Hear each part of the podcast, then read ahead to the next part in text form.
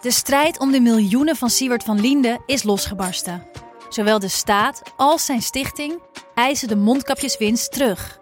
Maar dat die opbrengst in ieder geval niet thuis hoort bij Van Linde, daarover kan toch eigenlijk geen twijfel bestaan. Hoe kon het zo ver komen? Dit is het. We hebben beet. En als Siewert het geld teruggeeft, kunnen wij dit schandaal dan eindelijk loslaten? Je hoort het in de Mondkapjesmiljonairs, exclusief bij Podimo. Ga naar podimo.nl/slash mondkapjes. In de podcast Radio Romano met Noortje Veldhuizen Met Marcel van Roosmalen. En met Roelof de Vries. brengen we alle drie elke week een zogenaamde signalering mee. Wat heb jij nou weer bij je? En aan het eind bepalen we wie de winnaar van de week is. Echt een angstcultuur Lege huls die je er bent? Ja, dat gaat eigenlijk altijd onvriendelijk. Luister nu naar Radio Romano bij Podimo. Via podimo.nl slash Radio Romano luister je 30 dagen gratis. Mijn doel is dat we weer eens een keer dat, dat middenkatern van de Economist hebben. Dat er weer eens een bijlage komt over Nederland. Want daar gebeuren toch hele bijzondere dingen. Nou, dat, zal misschien niet nu al gebeuren. Ik zou nee, begrijpen dat het nu niet gebeurt. Maar het zou toch prachtig zijn als de komende paar jaar we dat voor elkaar krijgen. Dit is Betrouwbare Bronnen met Jaap Jansen.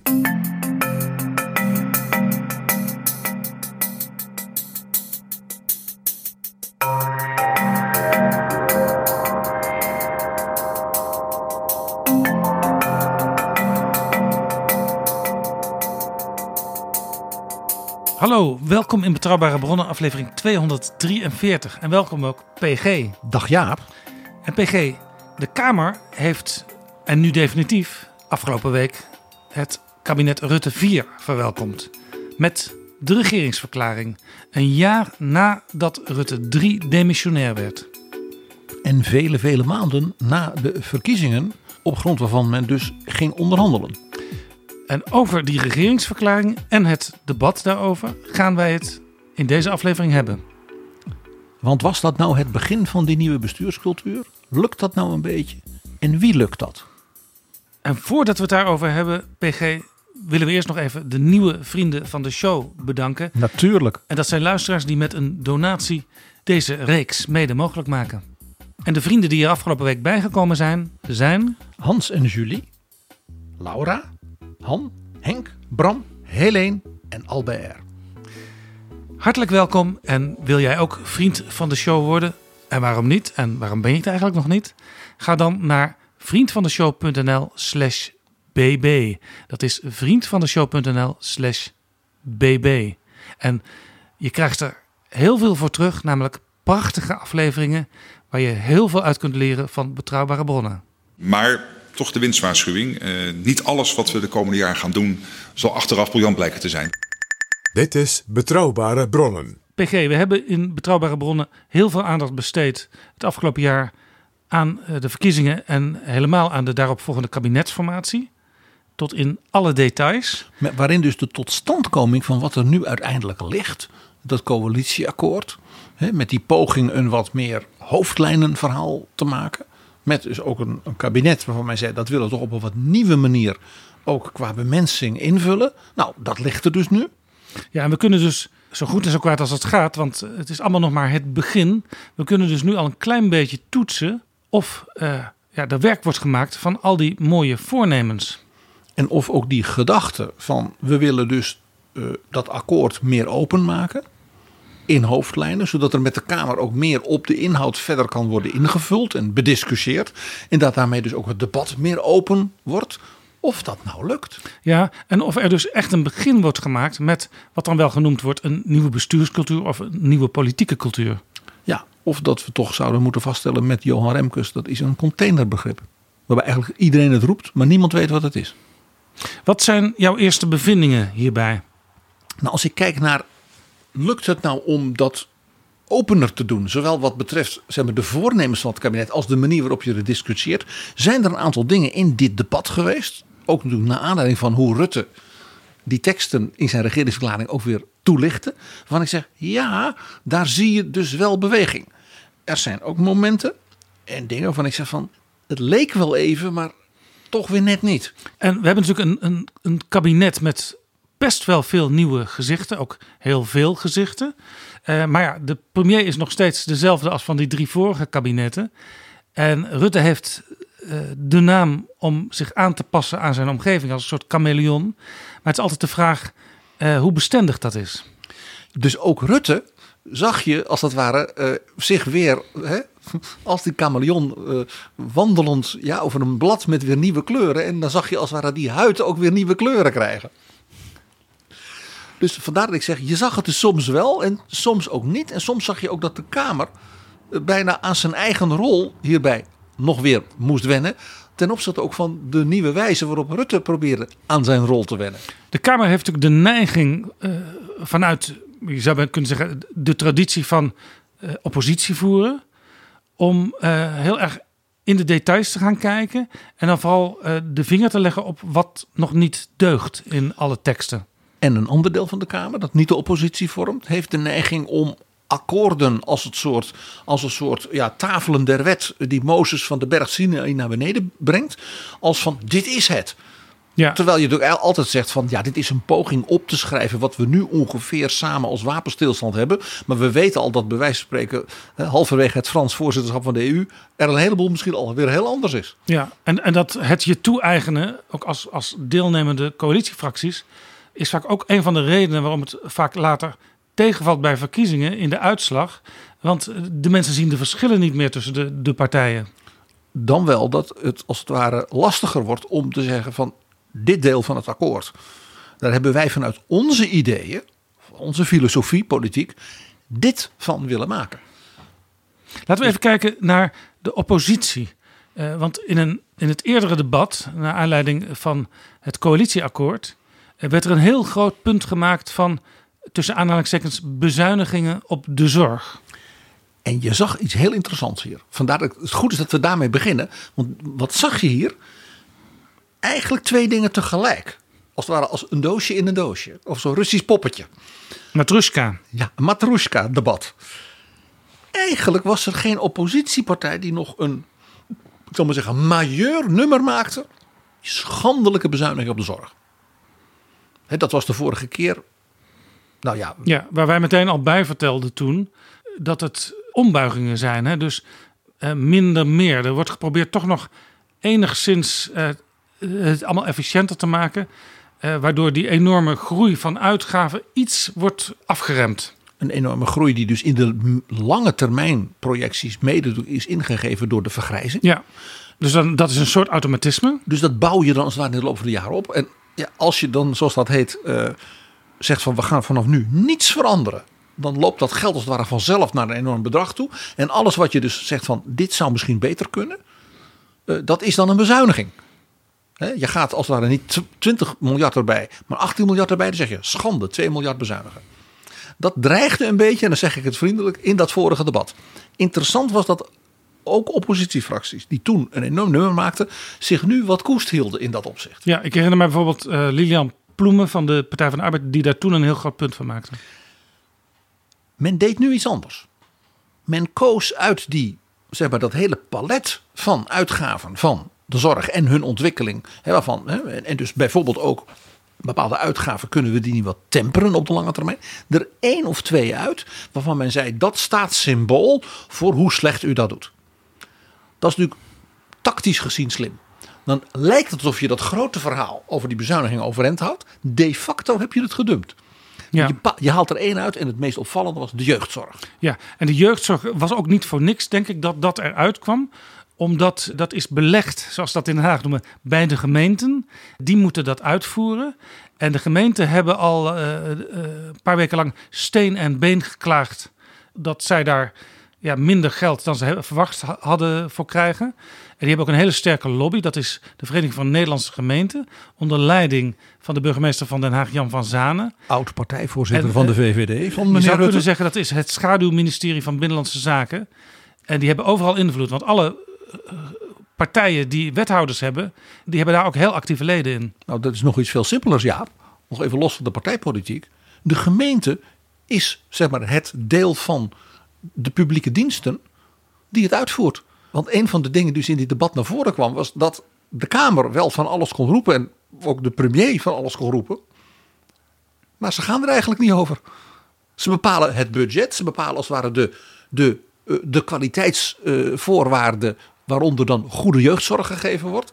Maar het gebeurt bij die gemeenten. Dus dat die gemeenten dan tegen het kabinet zeggen: ja, bij ongewijzigd beleid hadden wij als het ware er dus 4 miljard bijgekregen. Dat wordt nu 3,5. Schande, we leveren in.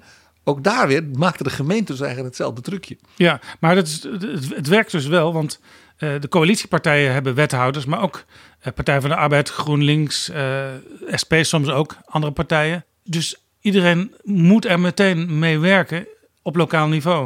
En dat werkt dus ook meteen door naar Den Haag, naar zo'n debat.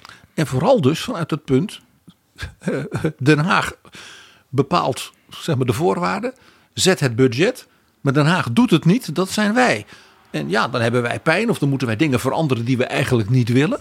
Nou, in het debat kwam naar voren dat in andere debatten, dus niet de regeringsverklaring, natuurlijk door allerlei fracties wat gezegd. Ja, bij die gemeenten gebeurt ook een hoop bureaucratie.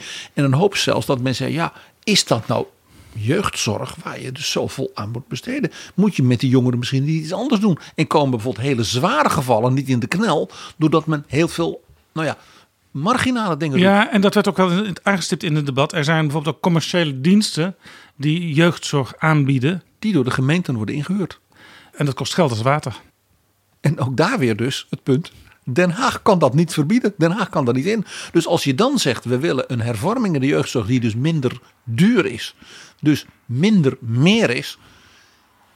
Nou, het interessante was dat in dit debat men bij alle heftigheid, zeker ook in dat vorige debat met grote verwijten, men heel dicht tot elkaar kwam. Want eigenlijk zeiden de regeringsgezinde fracties, de coalitiefracties, die zeiden: wij luisteren heel goed naar wat wij dus horen vanuit de oppositie. Want daar horen wij ook de gemeenten, de wethouders, ja, die wij ook kennen. En dat het kabinet wil proberen in de jeugdzorg een aantal verbeteringen aan te brengen, dat steunen wij. Maar, zeiden ze, het is dus niet zo dat automatisch van tevoren, wat er ook gebeurt, er altijd dat bezuinigingsbedrag, wat dus geen bezuiniging is, eruit moet komen. Men zei dus, de bewijslast dat dit echt kan en dus ook dit oplevert, ligt dan bij het kabinet. Ik vond het een heel interessantere manoeuvre om als het ware de critici vanuit de oppositie en de zorgen of aarzelingen bijvoorbeeld bij die wethouders en die gemeenten bij elkaar te brengen op een manier dat de nieuwe minister en het kabinet hier wel mee aan de slag kon. Maar dit is, zou je kunnen zeggen, een overwinning van de redelijkheid. Want uh, beide kanten, het kabinet wat zegt het kan misschien wel met wat minder geld. En ook de gemeente die zegt ja het is allemaal heel moeilijk. Die worden eigenlijk verplicht om elkaar te overtuigen van de mogelijkheden en misschien ook wel de onmogelijkheden. En daarbij dus met concrete zeg maar, bewijzen te komen wat wel kan en niet kan. Waarbij dus ook nog interessant, op, door deze manier van werken, de oppositie het punt van zorg en kritiek heeft kunnen laten landen. Maar niet op een manier dat het alleen maar boos en schande en bar is. Maar dat er ook nog iets gebeurt. Ja? En de oppositie als het ware van dat odium van het vorige debat. Waarin men zo toeterde over die verschrikkelijke bezuinigingen. Een beetje is verlost. Ja, ik vond dit dus een heel interessant manier van hoe je dus een wat meer open akkoord wel kunt gebruiken voor een wat meer open debat. Waarbij je dus uitkomt tot meer genuanceerde en zeg maar bijna intelligente vervolgstappen. PG, hier zien we dus dat er toch een soort uh, wederzijdse openheid is. Tussen, oh, een beetje een soort wending. Tussen, ja. tussen de meeste deelnemers aan het proces. Aan de ene kant de coalitie, aan de andere kant uh, ook een, een, deel van de oppositie. En dat men dus zo'n rollen, als het ware, daarin ook weer nieuw definieerde in zo'n debat. Zijn daar nog meer voorbeelden van? Nou, ik had nog een. Dat vond ik echt een heel opvallend voorbeeld. En het leuke is, dat kwam voor een deel een soort echo van wat in een vorige editie Wimar Bolhuis aanstipte. En dat is die hele grote fondsen met geld voor specifieke grote transities. Ja, er zijn dus nu grote geldbedragen apart gezet. Die ook losstaan van bijvoorbeeld algemene bezuinigingen. En dat is niet voor niks, want dan is het een garantie dat dat geld ook voor die specifieke doelen besteed gaat worden. En over meer dan één kabinetsperiode. Dus niet dat je zegt, we hebben een heel groot probleem.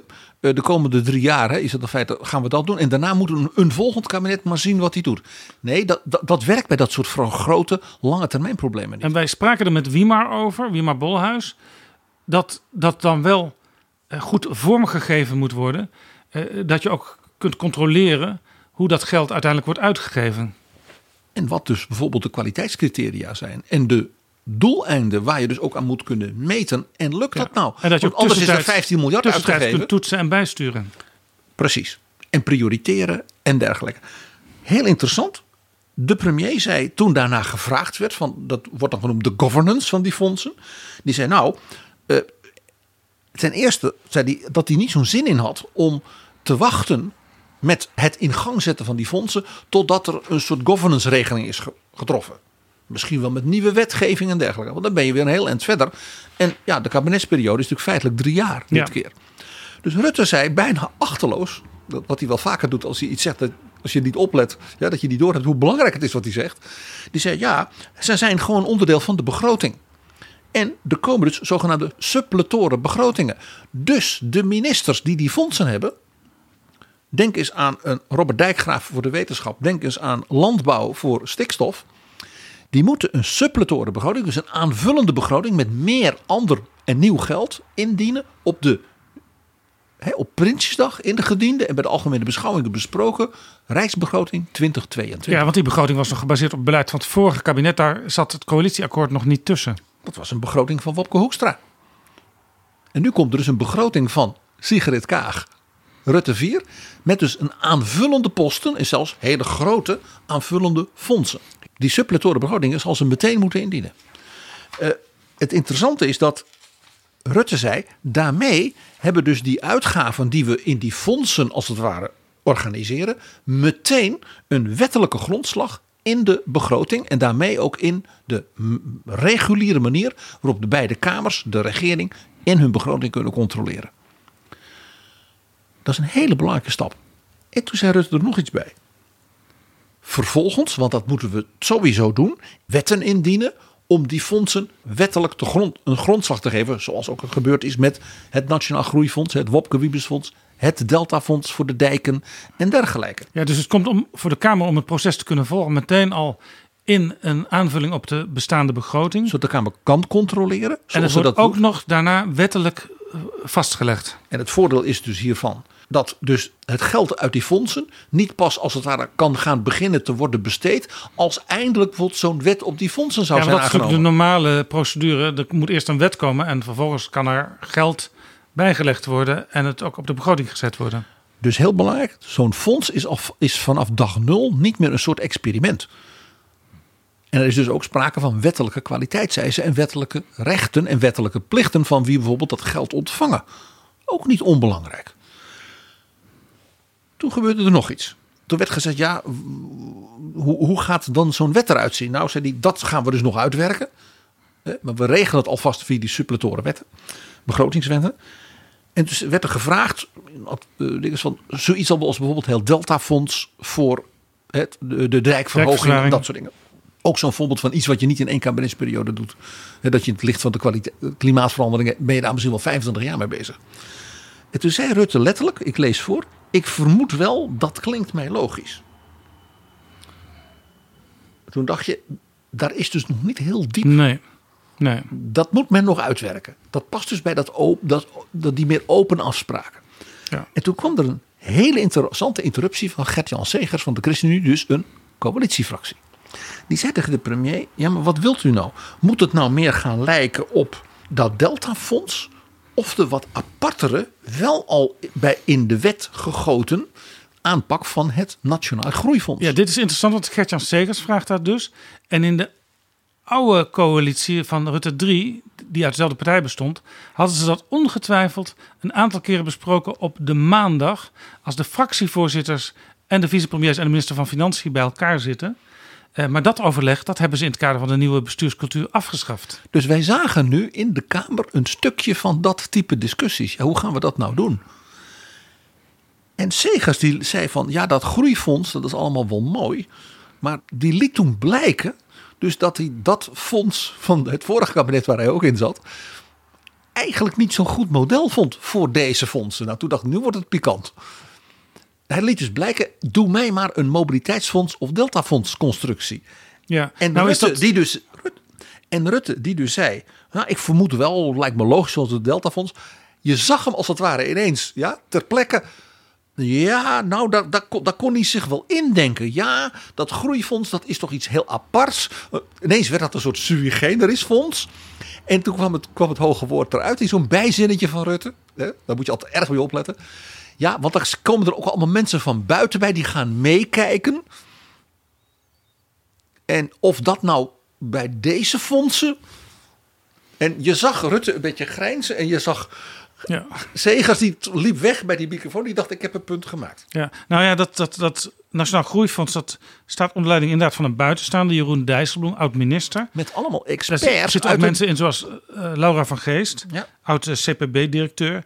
En dat zijn tien mensen die weliswaar van alle diensten van de ministeries gebruik maken, maar die wel zelf met z'n tienen een voorstel kunnen doen wat in beginsel wordt overgenomen door het kabinet. Dan wel voorstellen vanuit bijvoorbeeld de ministeries. Nou, dat hebben we gezien en ook besproken in onze podcast een paar keer. Gewoon afkeuren. Door te zeggen, ja, sorry, dat is een bureaucratische truc. Dat stinken we niet in. Ja. Op deze manier Ja. gaan we de groei Ja, dus je hoort eigenlijk Rutte zeggen dat hij toch iets eh, meer eh, bij het kabinet wil houden. Nou ja, die indruk wekte dat in elk geval. Ik vond dat dus heel opvallend. En nog iets, ja. Dit betekent dat hier, nieuwe bestuurscultuur, de Kamer vooral zelf aan zet moet zijn. Want als dus Segers dat vraagt aan Rutte: wilt u meer Deltafonds of wilt u meer groeifonds? En hij zegt nou ja, mhm, en dan voorzichtig laat blijken, nou liever niet groeifonds. Dan moet de Kamer natuurlijk op zijn tellen gaan passen. En zeggen, maar wat willen wij zelf als Kamer? Hoe moet dat worden geregeld? De verantwoording, de controle en dergelijke. Moeten er allemaal losse wetten voor die fondsen komen? Of bijvoorbeeld een wet op de fondsen, waar fondsen volgens als het ware onder worden gehangen. Waarbij Een je zegt, een soort dit, kaderwet. een soort kaderwet. Dat zou wel eens voor dus het stevig maken van die eh, controle, ook wat betreft de rol van de Eerste Kamer hierbij, beter kunnen zijn dan allemaal losse wetten. Een eh, Deltafonds, Groeifonds, R&D-fonds, het Klimaatfonds. de- Ja, maar je ziet hier dus een Kamerlid, in dit geval Gert-Jan Segers, maar het had ook iemand uit de oppositie kunnen zijn, die een vraag stelt en die ook suggesties doet. Eh, en daar ontstaat een soort discussie met de minister-president, die vervolgens belooft dat zijn kabinet met voorstellen gaat komen, waarin natuurlijk die discussie ook al is meegenomen. Ja, en dan gaat de discussie in de Tweede Kamer weer verder. En de Kamer, als ze slim is, pakt ze dat dus als het ware bij- bijna zonder het kabinet op. Ja, En gaat het kabinet vervolgens zeggen van, nou wij hadden gedacht dat u als kabinet, kom maar. Ja, maar dit is dus interessant, want dit is eigenlijk een uitnodiging, zou je kunnen zeggen, impliciet ook eh, aan hele andere partijen. Om ook op allerlei terreinen op die manier mee te gaan denken en suggesties te doen. Daar hoef je helemaal niet voor in de coalitie te zitten. Nee, en, en, en dat is ook wel een oefening in nieuwe cultuur voor ook oppositiepartijen. Want je kunt dus meepraten, je kunt dus suggesties doen. En ja, over het uiteindelijke voorstel van, vanuit het kabinet kun je natuurlijk gewoon je eigen mind opmaken. Ja, maar je kunt de ministers bij de uitwerking zoals die de komende maanden moet, moet plaatsvinden, dus op een positief kritische manier begeleiden. En als je dat goed doet, eh, en ik zal straks een paar voorbeelden geven die in het debat ineens langskwamen, waarvan ik zeg dat is heel knap dat dat voor elkaar is gebracht door een hele kleine fractie. eh, Kun je dus heel veel invloed uitoefenen. Nog een voorbeeld, wat Rutte ook in een bijzin bijna. Die zei: Ja, kijk, als we dan die fondsen hebben en die hebben die wettelijke grondslag ja, en alles, wat hij dus ook wil, dan kan dus zo'n fonds of een minister bijvoorbeeld bij de Europese Unie gaan zeggen: U heeft een groot klimaatfonds, u heeft een groot RD-fonds ja, eh, voor, voor Dijkgraaf. Wat kunnen wij met Brussel samen, als het ware, hoe kunnen we die fondsen elkaar laten versterken? Een punt waar wij in onze vorige podcast, geloof ik, al op wezen. In het Ja. geval van Robert Dijkgraaf. Ja, en dit is dus een, een, een slimme manier om op zwaar inhoudelijke argumenten toch nog wat extra geld uit, uit Brussel eh, binnen te halen. Nou, en je kunt dus als land op thema's waar jij bereid bent, bijvoorbeeld met zo'n fonds, echt extra. Hè, met ook topmensen uit de kennissector, bedrijfsleven, RD, eh, daar een trekker te worden. Ook die rol van wat Rutte noemde, we willen klimaatkampioen worden. Ja, dat kun je ook dan invullen als Rob Jetten met eh, Eurocommissaris Timmermans. Als het ware om de tafel kan gaan zitten. Nederland gaat dan op deze twee, drie dingen echt een voortrekkersrol spelen. En heeft ook geld. En kan bijvoorbeeld dan met Robert Habeck in Duitsland en met anderen serieus die rol invullen. Ja, het, Ook daar weer zeg ik, de Kamer zou bewindslieden daar in de komende maanden dus flink moeten aanjagen, aanmoedigen. Maar ook zeggen, dit is wat wij willen.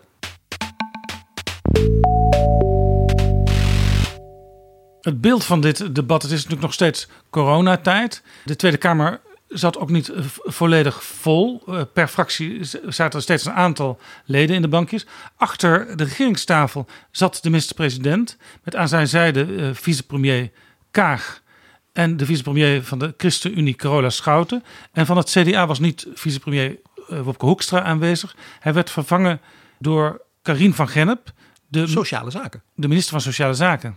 En normaal bij zo'n groot debat, wat je kunt vergelijken met algemene beschouwingen bij een lopend kabinet, zit dat hele vak K, zoals dat in Den Haag noemen, vol met ministers en staatssecretarissen. En dus allemaal nieuwe dan. Hè? En kijkt de minister-president ook vaak opzij en achterom als hij een stukje beleidsterrein van een van die bewindslieden bespreekt. En zie je soms ook bewindslieden snel even iets opschrijven, omdat de minister-president hen een opdracht geeft. En ik kan mij nog levendig herinneren hoe de heer Van Acht als minister-president... toen hij een vraag kreeg uit de oppositie van zijn vriend Hans Wiegel... met wie hij zo fijn had samengewerkt...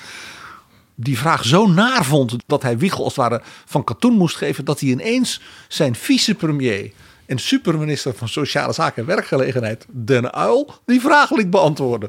Ook een uniek moment in de geschiedenis geweest. Ja, maar nu zaten dus al die eh, ministers en staatssecretarissen er niet bij. Maar toch gaf Rutte allerlei opdrachten door, eigenlijk via het scherm. Want iedereen zat natuurlijk te kijken en te luisteren. Hij zei op een bepaald moment ook dat een bepaalde minister. Hij zei: Ik weet dat hij zit te kijken. Dat vond ik ook wel. Dit was eh, ja, een nieuw moment. Maar wat je dus zag hier was dat.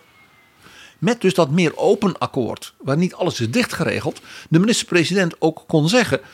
Heel goed punt van de Kamer. Ik heb het goed gehoord van meneer Klaver, eh, meneer Heerma, meneer, eh, mevrouw Simmons. Eh, minister Jetten zal daar dus ook zeker iets aan gaan doen. Of u kunt erop rekenen dat minister De Jonge op dat punt uw Kamer nog wel even nader zal. Nou ja, informeren. En dat, hij heeft eh, genoemd Jetten, mevrouw van der Wal, met oog op stikstof en dergelijke. Ja. En bijvoorbeeld Hugo de Jonge ten aanzien van de woningbouw en, eh, en eh, Ja. de, de, de- Ja. de woonnood ook. En wat mij opviel was, en dat is natuurlijk ook weer typisch Rutte. Ook een minister waar, waar die eigenlijk nog maar een, een dikke week mee samenwerkt.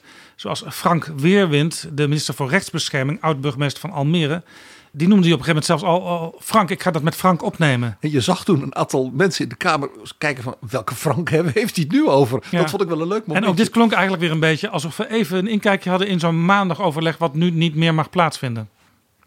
Nog een punt in het kader van die openheid en dus op een andere manier gaan werken. Als ik tegen jou zeg, Jaap, de planning van de planning, dan begrijp jij wat ik bedoel. Ja, De minister-president zei, ja, wij moeten nu een heleboel dingen gaan uitwerken. En de ene minister heeft bijvoorbeeld een heel groot, miljarden groot fonds. Ja, wat dus nog een wettelijke baas moet krijgen, dat moet hij uitwerken en wat dan niet. Moet misschien al heel snel in Europa ook gaan onderhandelen. Een andere minister heeft zo'n fonds niet, maar heeft bijvoorbeeld een noodsituatie. Of eh, denk even aan Hans Veilbrief, die met heel veel moeite en narigheid in Groningen aan de slag moet. Dus elk van die bewindslieden moet dat uitwerken. En Rutte zei, wat de Kamer nu kan verwachten en ook verlangen van die bewindslieden, dat moeten we heel goed eh, op een rij zetten. Dus we moeten de planning van de uitwerking, bijvoorbeeld de hoofdlijnen notities van die fondsen, dus echt dat grote beleidsstukken, die moeten niet zomaar als zeg maar, neerdwarrelen in de Tweede Kamer. Dat moet dus de Kamer met het kabinet ook samen, zeg ik dan, goed ordenen. ja. Dus als Rutte zegt binnen drie weken stuurt het kabinet de planning van de planning. Dan betekent dat dus ook dat als de Kamer alert is, dat ze die brief over de planning van de planning zelf bediscussieert. In de zin van het is mooi, maar wij willen dat die minister dat nog veel meer dan nu in die brief staat, met die minister samen. Of wij willen dan dat overleg van bijvoorbeeld minister Jetten met eurocommissaris Timmermans over de klimaatinvesteringen in Nederland en Europa. Dat willen we in die uitwerking erbij zien. Ja, en hierbij moet je realiseren dat de Tweede Kamer natuurlijk niet alleen is wat we dan deze week gezien hebben, die plenaire zaal met al die fracties. De Tweede Kamer is ook onderverdeeld in commissies. En al die commissies die kunnen nu ook weer hun eigen planning gaan aanpassen. Nu ze weten wat er binnen drie weken komt. En binnen drie weken zal dus ook duidelijk zijn hoe eigenlijk de rest van het jaar ingevuld kan worden. Voor allerlei overleggen en, eh, ja, En meer wet- to the point omgaan met allerlei nieuwe plannen. En bijvoorbeeld dus die wetgeving rond die fondsen, dat je dat nu al als het ware in kaart brengt. En nog, nog iets heel ja, inhoudelijks, Jaap. Ik zou het weten als ik de, de commissie OCNW van de, van de Kamer was. Ik zou nu al een hoorzitting gaan plannen over bijvoorbeeld dat fonds voor R&D voor tien jaar van Robert Dijkgraaf met een aantal topmensen uit de Koninklijke Academie van Wetenschappen. Maar ik zou bijvoorbeeld Roberto Viola, hè, ooit gast bij ons in de Trouwe Ronde uit Brussel, erbij halen.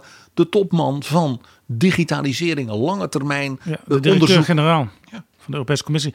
En ehm, er zijn ook nu een aantal grensoverschrijdende beleidsterreinen. Eh, bijvoorbeeld de hele klimaataanpak waar Jette dan coördinerend minister is. Maar die over meerdere eh bewindslieden gaan. Maar dus- dus ook over meerdere kamercommissies. Daar kunnen kamercommissies ook denken van... wij moeten misschien eh, met drie kamercommissies bijeen gaan zitten... om al die ministers een keer bij elkaar te roepen. Misschien moet er wel een Kamercommissie komen voor de fondsen. Het totaal van die fondsen. Werkt dat goed? Welke lessen? Lijkt me niet zo'n heel slecht idee. En ook hier weer, ik wijs ook nog weer even een keer, Jaap, je weet, doe ik vaker, naar de Eerste Kamer. Ja, Die een eigen rol hierbij heeft. En juist ook misschien bij dit soort nieuwe werkwijzen en nieuwe manieren van de rol van het parlement. Ook misschien zelfs wel nog wat sterker zich zou kunnen Ja, profileren. het is interessant dat je dat zegt, eh, PG, een, een commissie voor de fondsen. Eh, want er is natuurlijk ook een commissie financiën. Maar er is onlangs heropgericht in de Tweede Kamer de Tweede Kamercommissie voor de Rijksuitgaven. En eh, dat is eigenlijk al een bewijs. eh, Dat is dankzij Bart Snels van GroenLinks, die helaas uit de Tweede Kamer vertrokken is. En Joost Sneller, Kamerlid van D66. Die dachten van hé, hey, we hebben vroeger heel lang en ook vrij succesvol zo'n commissie voor de Rijksuitgaven gehad. Die ook alweer op een andere manier naar het beleid kijkt dan eh, de vakcommissies. En waarom hebben we die eigenlijk niet meer? Dus die is opnieuw opgericht. Mooi voorbeeld. De Kamer kan dus ook zelf zichzelf en daarmee zijn rol innoveren. PG, toen wij onlangs het Franse voorzitterschap van de Europese Unie bespraken, toen hadden we het er ook over dat ehm, het nieuwe Nederlandse kabinet heel snel moet aansluiten bij de planning, daar is de planning weer, van dat Franse voorzitterschap. Want er staan allemaal toppen gepland. Eh, maar we hadden het er ook over dat het nieuwe kabinet tegelijk aantreedt, niet alleen met het Franse voorzitterschap, maar ook met, het nieuwe, met de nieuwe Duitse regering. En in die twee landen, waar Nederland toch eh, ja, heel innig mee zal samenwerken, zijn ook allerlei plannen gemaakt en ook allerlei systemen in gang gezet waar we ook nog van kunnen leren. En dat bleek ook in dit debat. Ja, want wat op tafel werd gelegd, en dat gebeurde door Laurens Dassen van Volt, was van kijk nou eens naar eh, het nieuwe Duitse eh, kabinet. De regering van Olaf Scholz. En nou, de premier zei onmiddellijk: Ik was net bij Olaf. Alles met hem besproken. Hè. Samen mooie dingen doen. Nou, Dassen, mooi zo. Ik heb iets. In dat Duitse kabinet is met vice-kanselier eh, Robert Habeck een soort Rob Jetten minister gemaakt. Die is dan niet minister voor, maar vicekanselier van Duitsland.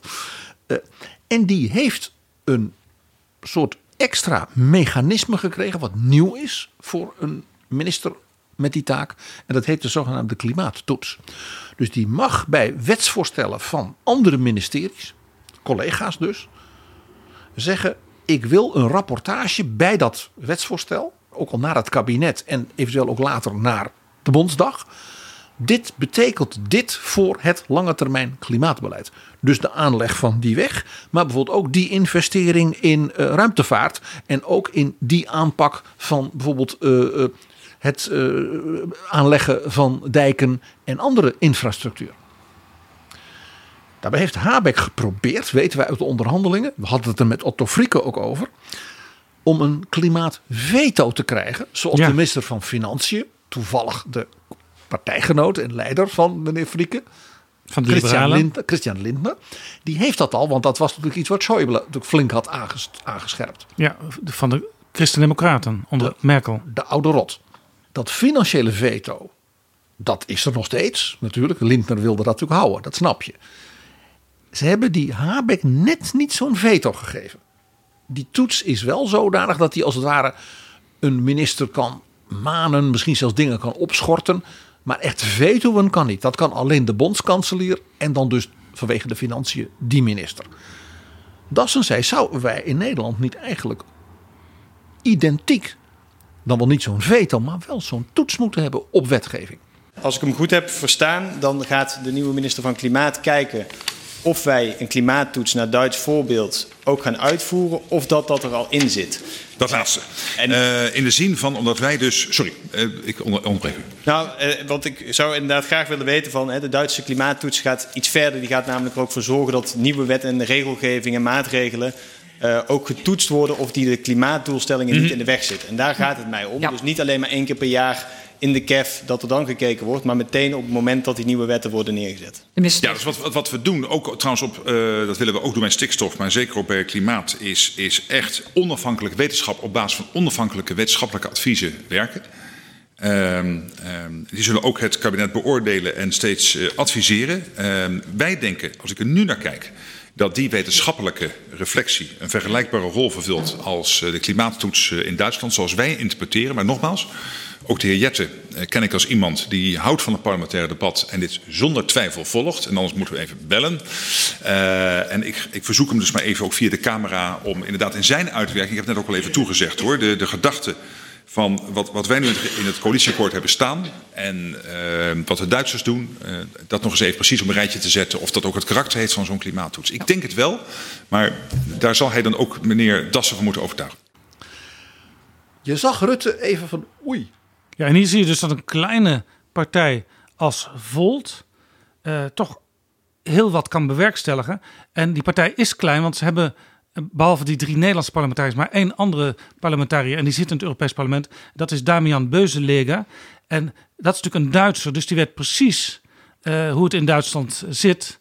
En ik denk dat uh, Laurens Dassen zelf dat ook heel goed in de gaten houdt. En misschien luistert hij ook wel naar betrouwbare bronnen. Wie weet.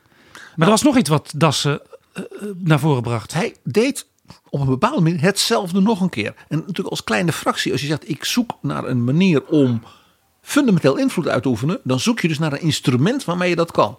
Nou, die klimaattoets is er dus één.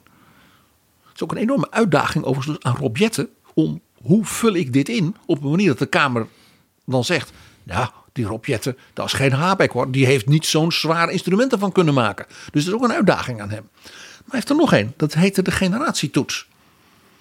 En het was wel grappig. Je zag dus andere fracties, waaronder uh, zeg maar de, de, de, voormalige ouderenpartij, uh, mevrouw Den Haan, ja. er als het ware achteraan hollen toen ze merkte dat hij met dit punt ging lopen. Want hij zei: Moet je misschien niet bij dat soort lange termijn beleid niet ook kijken, dat gold dus ook bijvoorbeeld voor armoedebestrijding en dergelijke, naar hoe werkt dit uit op de jongeren, middengroepen, werkenden, ouderen in hun geheel. En dit is een punt ook wat de jongeren die bij informateur Mariette Hamer op bezoek zijn geweest, ook op tafel hebben gelegd, die generatietoets. Dat is daar letterlijk als een essentieel punt, ook vanuit dat SER jongerenplatform.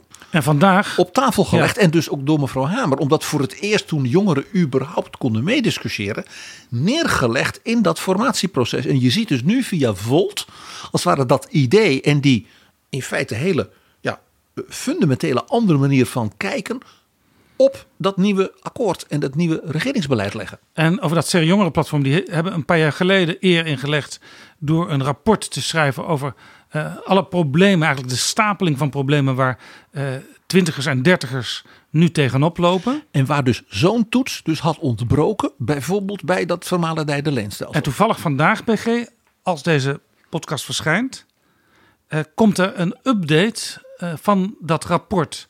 En dat is dus ook heel nuttig voor het kabinet en voor de Tweede Kamer. Dan kunnen ze meteen die plannen voor die generatietoets naast leggen. En want er staat precies in hoe jongeren nu ervaren uh, waar ze in de knel uh, komen te zitten. En hoe je wellicht dus als kabinet, als bewindslieden van meerdere uh, dossiers, hè, en woningbouw en onderwijs enzovoort, hè, tekort aan huizen voor studenten en vul maar in, en voor docenten, je dus meteen als het ware kunt neerleggen, ook weer voor de uitwerking van die hoofdlijnen van dat, dat akkoord, van waar moeten we zo'n generatietoets wat extra scherp bij voorrang op de plannen leggen. En waar loopt dat wel? Maar er zullen ook punten zeggen, daar is dat nog een erge witte vlek. Ja. En ook daar weer is het natuurlijk vooral ook de Kamer, en in dit geval zo'n jongerenorganisatie, die op dat punt de Kamer kan aanmoedigen. U moet bijvoorbeeld minister Wiersma samen met minister Schouten bij- rondom kinderarmoede, ja, is even bij elkaar brengen rondom hoe gaat dat nou in scholen met gezinnen waar men het alles behalve breed heeft. Ja. Ik wijs dus op de klimaattoets à la Duitsland en deze generatietoets vanuit eh, ook de, de jongerenorganisaties, die dus beide als een soort ja, nieuw soort structurele manier van kijken en ook besturen, door dus een fractie van drie mensen in dat debat is gebracht en op een zodanige manier dat Rutte in feite zegt, ja dat gaan we doen. Dat vind ik toch echt, mag ik het zeggen, een stukje nieuwe bestuurscultuur. Ja.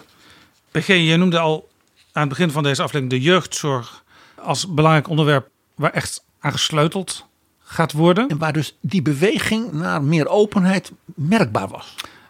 Een heel groot punt eigenlijk van, van alle oppositiepartijen voordat het debat begon, was de AOW die niet meestijgt met de verhoging van het minimumloon.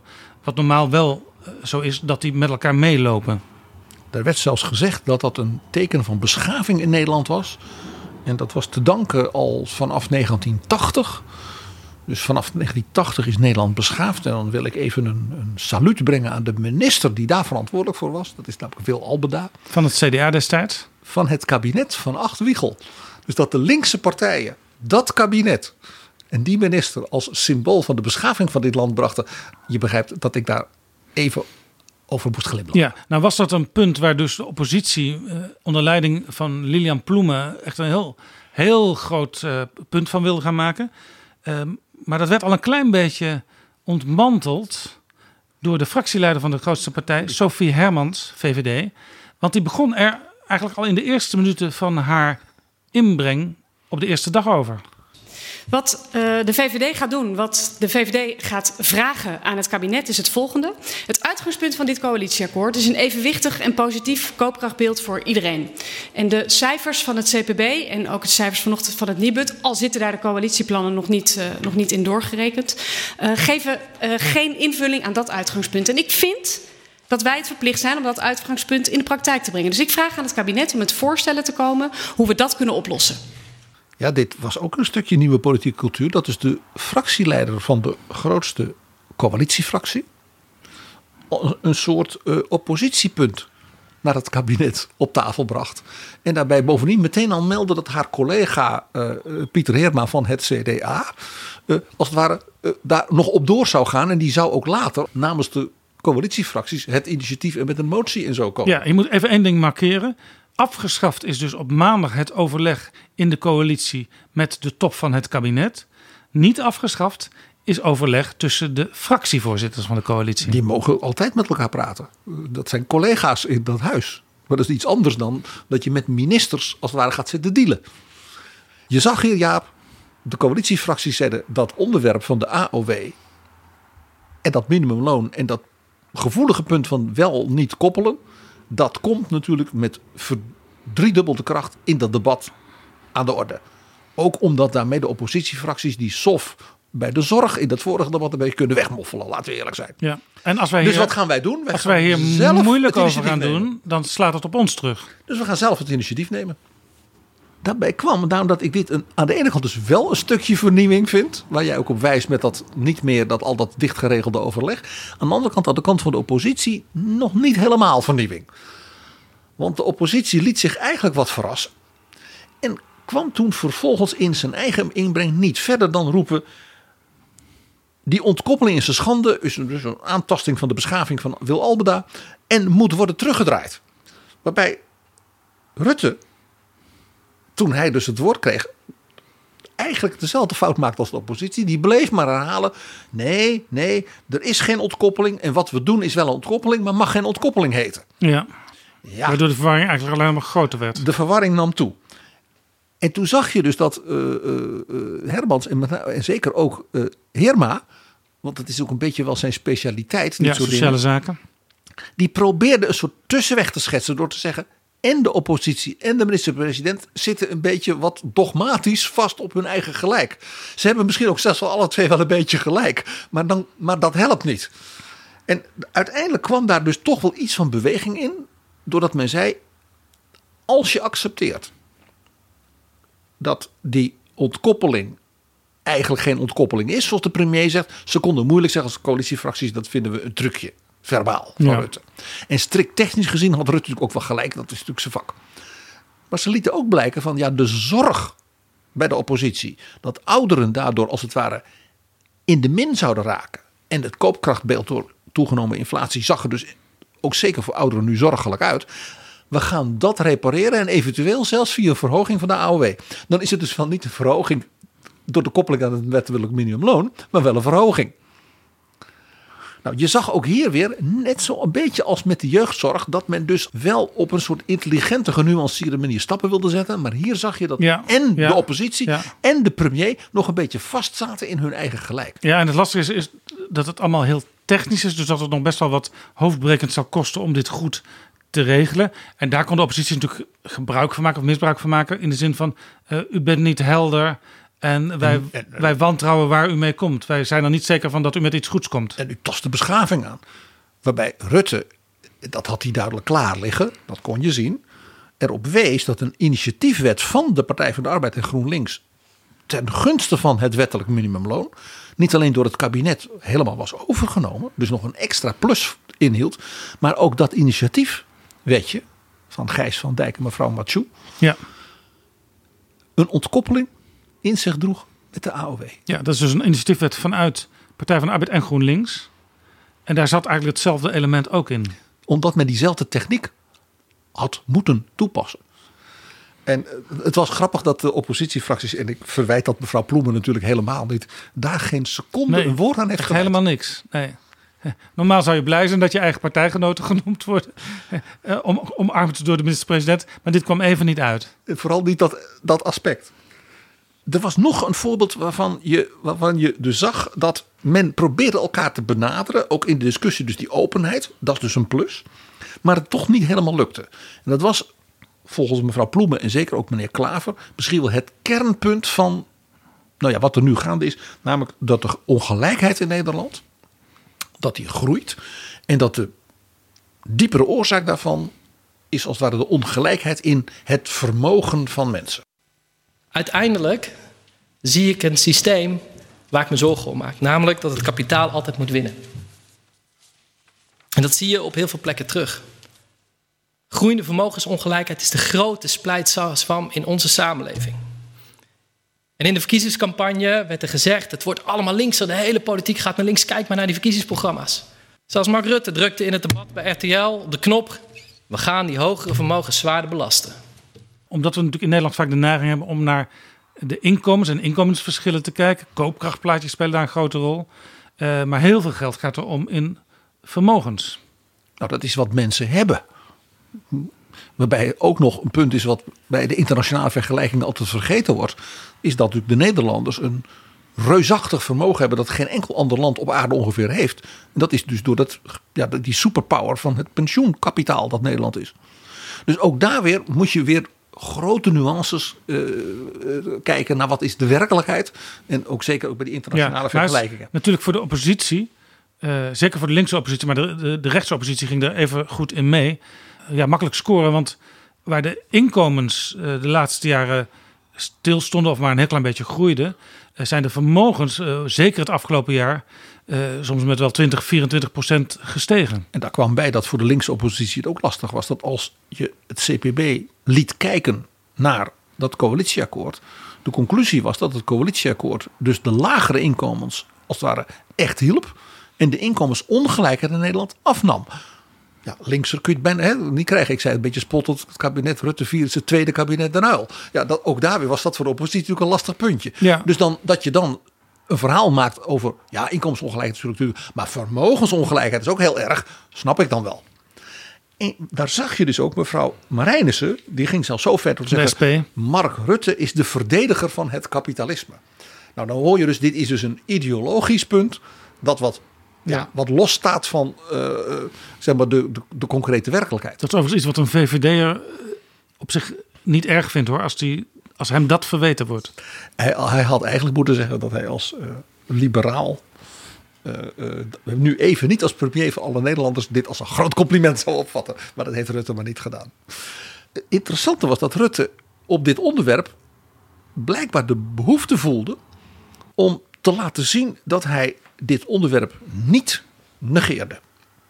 Want hij kwam met iets, ik moet zeggen, eh, ja, echt een nieuwtje. In de zin van eh, zelfs een zeer opmerkelijk nieuwtje. Wat dus niet in die stukken van dat coalitieakkoord stond. Dat was blijkbaar iets nog van het vorige Rutte 3 kabinet. Dat men in gang was gaan zetten. Zeg maar eh, bij Wopke Hoekstra en zijn ambtenaren.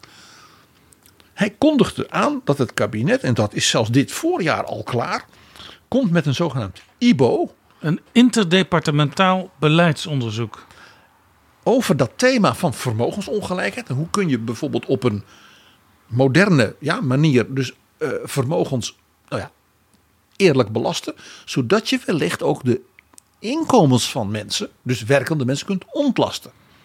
Precies wat de linkse oppositie dus riep dat dat moest gebeuren. Ja, dat is gebeurde. trouwens een, een, een onderzoek onder leiding van Laura van Geest. Die eigenlijk van buiten komt. Want zij is in het dagelijks leven eh, de baas van de autoriteit Financiële Markten. En zij wordt dus ingehuurd omdat zij heel veel kennis en ervaring heeft. Onder andere als hoge ambtenaar op financiën. En daarna eh, directeur van het Centraal Planbureau. Zij weet dus ook heel goed te werken met allerlei verschillende departementen. Om gezamenlijk één project en één beeld te kunnen schetsen over hoe de toestand is. En daar beleidsopties bij te eh, zetten hoe je dat misschien kunt aanpakken. En dan met name dus de financiële realiteiten daarbij, wat natuurlijk haar vak is. Ja, dan gaat het natuurlijk over, het, als het over vermogen gaat, gaat het voor een groot deel over financiën. En grote internationale financiële bewegingen en dingen die we natuurlijk bijvoorbeeld op die manier 25 jaar geleden, laat staan 50 jaar geleden, helemaal niet hadden. Toen dat soort wetgeving natuurlijk werd voorbereid door kabinetten van vroeger. Ja, dus je zou kunnen zeggen dat met enige jaren vertraging Jesse Klaver van GroenLinks hier wordt gehonoreerd voor al zijn inspanningen eh, om aandacht te vragen voor dit eh, probleem. Hij was bijvoorbeeld het Kamerlid dat de Franse denker Piketty naar Nederland haalde, eh, die daar een heel dik boek over geschreven heeft, waarvan Rutte toegaf dat hij weliswaar Piketty gelezen had, maar dan de dunnere samenvatting van het boek. De executive summary. Het is ook heel moeilijk Frans, moet je maar denken. Het grappige was dat hier zag je dus even dat ik denk, dit is een soort openheid. Ik bedoel, de, de minister-president zette hier een deur open richting de Tweede Kamer. Ik, zou het wel weten als Kamercommissie. Eh, ik zou eh, de, de, de IBO-makers eh, uitnodigen.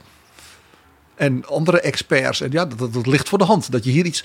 Zeker als hij zegt dat dit voorjaar dat nog komt.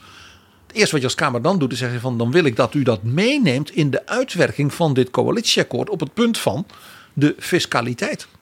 En box 2 en box 3 en hoe ze allemaal heten. Dan wordt het nog leuk. Dat deed de Kamer niet. Wat Klaver deed was de minister-president verwijten dat hij er geen aandacht voor had gehad. En die had zelfs een stapel adviezen van, zijn- van ambtenaren, van financiën onder andere. Die dus dit onderwerp alles hadden in kaart gebracht. Dus het was helemaal niet zo dat we het niet wisten.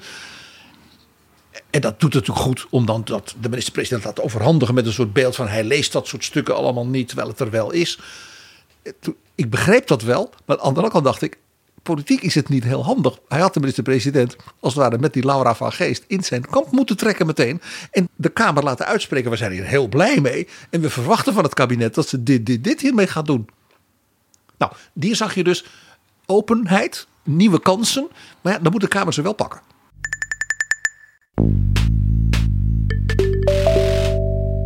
Dit is Betrouwbare Bronnen, een podcast met betrouwbare bronnen. PG, tot nu toe keken we heel inhoudelijk naar het debat over de regeringsverklaring. En stelden we de vraag: eh, in hoeverre is hier nou sprake van eh, een nieuwe politieke cultuur, een nieuwe verhouding tussen kabinet en Kamer en ook tussen coalitie en oppositie? Ja, en zelfs binnen die coalitie, van hoe voer je nou dat overleg? Wanneer ben je aan zet als fracties en wanneer niet? En dit ging, ja, wel, en dat vind ik wel ook een compliment aan een hele serie van die Kamerfracties, over niet detaildingen. Dit ging over bijvoorbeeld de klimaattoets, dit ging over de vermogens enzovoort. Laten we eens even naar de Tweede Kamer kijken, eh, zoals die het debat voerde. Eh, wat viel jou daarop? Nou ja, eh, zag je daar nou een nieuwe manier van omgaan met elkaar? Zoals ook vanuit bijvoorbeeld zo'n Venetië-commissie met enige kracht, op verzoek van de Kamer zelf overigens, eh, was aanbevolen. Ja, soms wel, maar soms ook helemaal niet. Nee, het debat begon natuurlijk eigenlijk op de traditionele wijze met ja, toch vrij snel weer uh, Geert Wilders als grootste oppositiepartijfractievoorzitter.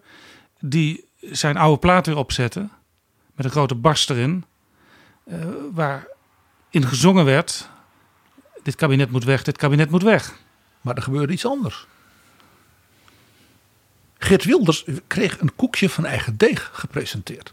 Want wat hij altijd doet, de laatste jaren, is maar in de eerste minuut dat bijvoorbeeld premier Rutte of een minister of anderszins het woord neemt, als het ware al tegen de Kamervoorzitter zeggen dat het een schande is en dat hij een motie van afkeuring gaat indienen en hij moet weg. En, en dat wilde hij nu weer gaan doen. Meteen een motie van afkeuring indienen. Wilders kreeg daar niet de gelegenheid voor, want de Kamervoorzitter Vera Bergkamp eh, die vroeg even aan de leden of er voldoende steun was voor het indienen van zo'n motie. Want dat wijkt af van de normale gang van zaken. Dus daar moet even ja tegen gezegd worden. En die steun was er deze keer voor het eerst niet. er gebeurde nog iets. Andere fractievoorzitters kwamen naar voren en deden iets wat ik noem een koekje van eigen deeg serveren. En de eerste fractievoorzitter die naar voren kwam was de nieuwe leider in de Kamer van D66, Jan Paternotte. Eh, in zekere zin de opvolger van Rob Jette als fractievoorzitter. En ook een beetje de opvolger van Sigrid Kaag, die dat tussendoor ook nog heeft gedaan.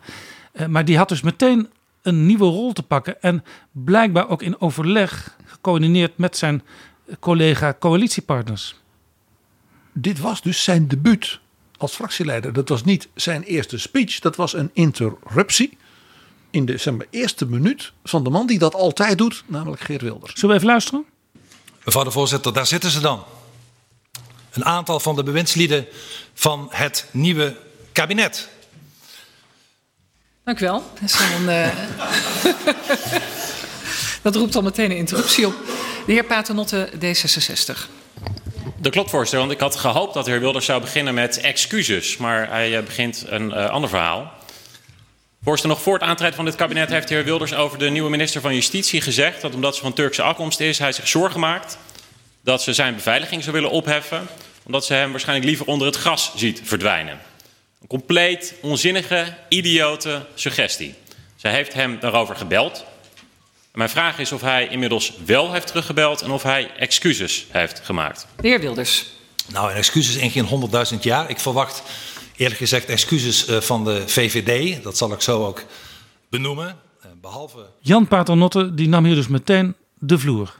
En het initiatief op een punt waarvan Wilders vanaf dat moment, dus letterlijk de eerste minuut van het debat, zo kwetsbaar bleek. Dat hij zichzelf niet één keer, niet twee keer, maar misschien wel zeven keer niet meer in de hand had. Op een bepaald moment zelfs vanuit zijn bankje ging zitten schreeuwen. Waarbij de voorzitter hem nou ja, poogde te, te, te, te dempen.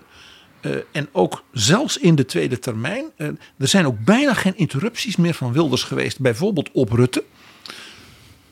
Als die er kwamen, dan was Rutte heel strak. Uh, uh, en toen heeft Rutte hem ook nog een keer zelf persoonlijk heel stevig aangepakt. En Wilders leek knock-out. Ja, ja, op dag twee, toen Rutte dus uh, zijn lange antwoord gaf aan de Kamer. Toen was dat een van de hoofdpunten in het betoog van de minister-president. Het aanpakken van dit lid van de oppositie. Ja. Het woord aan de minister-president. Voorzitter, de heer Wilders heeft beweerd dat een toekomstige minister vanwege dubbele nationaliteit niet geïnteresseerd zijn in zijn beveiliging. En dat de partij waar zij uit voortkomt hem onder de groene zoden wil hebben. Hij heeft niet het begin gemaakt van een sorry zeggen. En had hij dat maar één keer gedaan.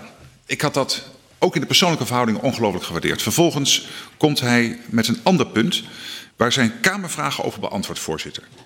Dit gaat over een persoon die zich hier verder niet kan verdedigen hier in deze Tweede Kamer.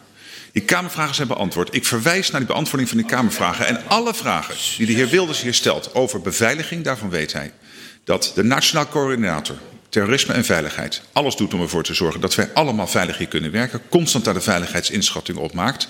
Als er dingen zijn die ook zou melden, daar kan ik alleen in algemene zin over praten. Het is mij onmogelijk, en dat weet de heer Wilders, het zou zelfs ook het systeem van beveiliging schaden als we hier gaan praten over individuele personen en individuele situaties. Dat gaat simpelweg niet, dat weet hij. Hij komt er nu mee. En waarom? Omdat hij daarmee probeert om het andere punt te ontlopen. Maar dat zal hem niet lukken. Heel Nederland ziet dit. Dat hier door iemand die stevig debatteert. En ik respecteer hem voor de persoon die hij is, niet over zijn standpunten. Maar op dit punt, echt, voorzitter, uh, heeft hij de ondergrens van gevoel voor stijl en beschaving, heeft hij, uh, is hij doorheen gezakt. De heer Wilders. Mevrouw de voorzitter, waar haalt de minister-president het gore lef, het gore lef vandaan? Wilders, die meestal wel op de een of andere manier erin slaagt om dan toch uh, het beeld te laten hangen dat hij iets aan de orde heeft gesteld waar anderen geen antwoord op hebben. Die had nu een keer zelf geen antwoord. En het soort onderwerpen waar hij mee kwam, vond ik ook opvallend. Geert Wilders ging een beetje terug naar de Geert Wilders van 2006, 2007. Hij had ineens weer van die.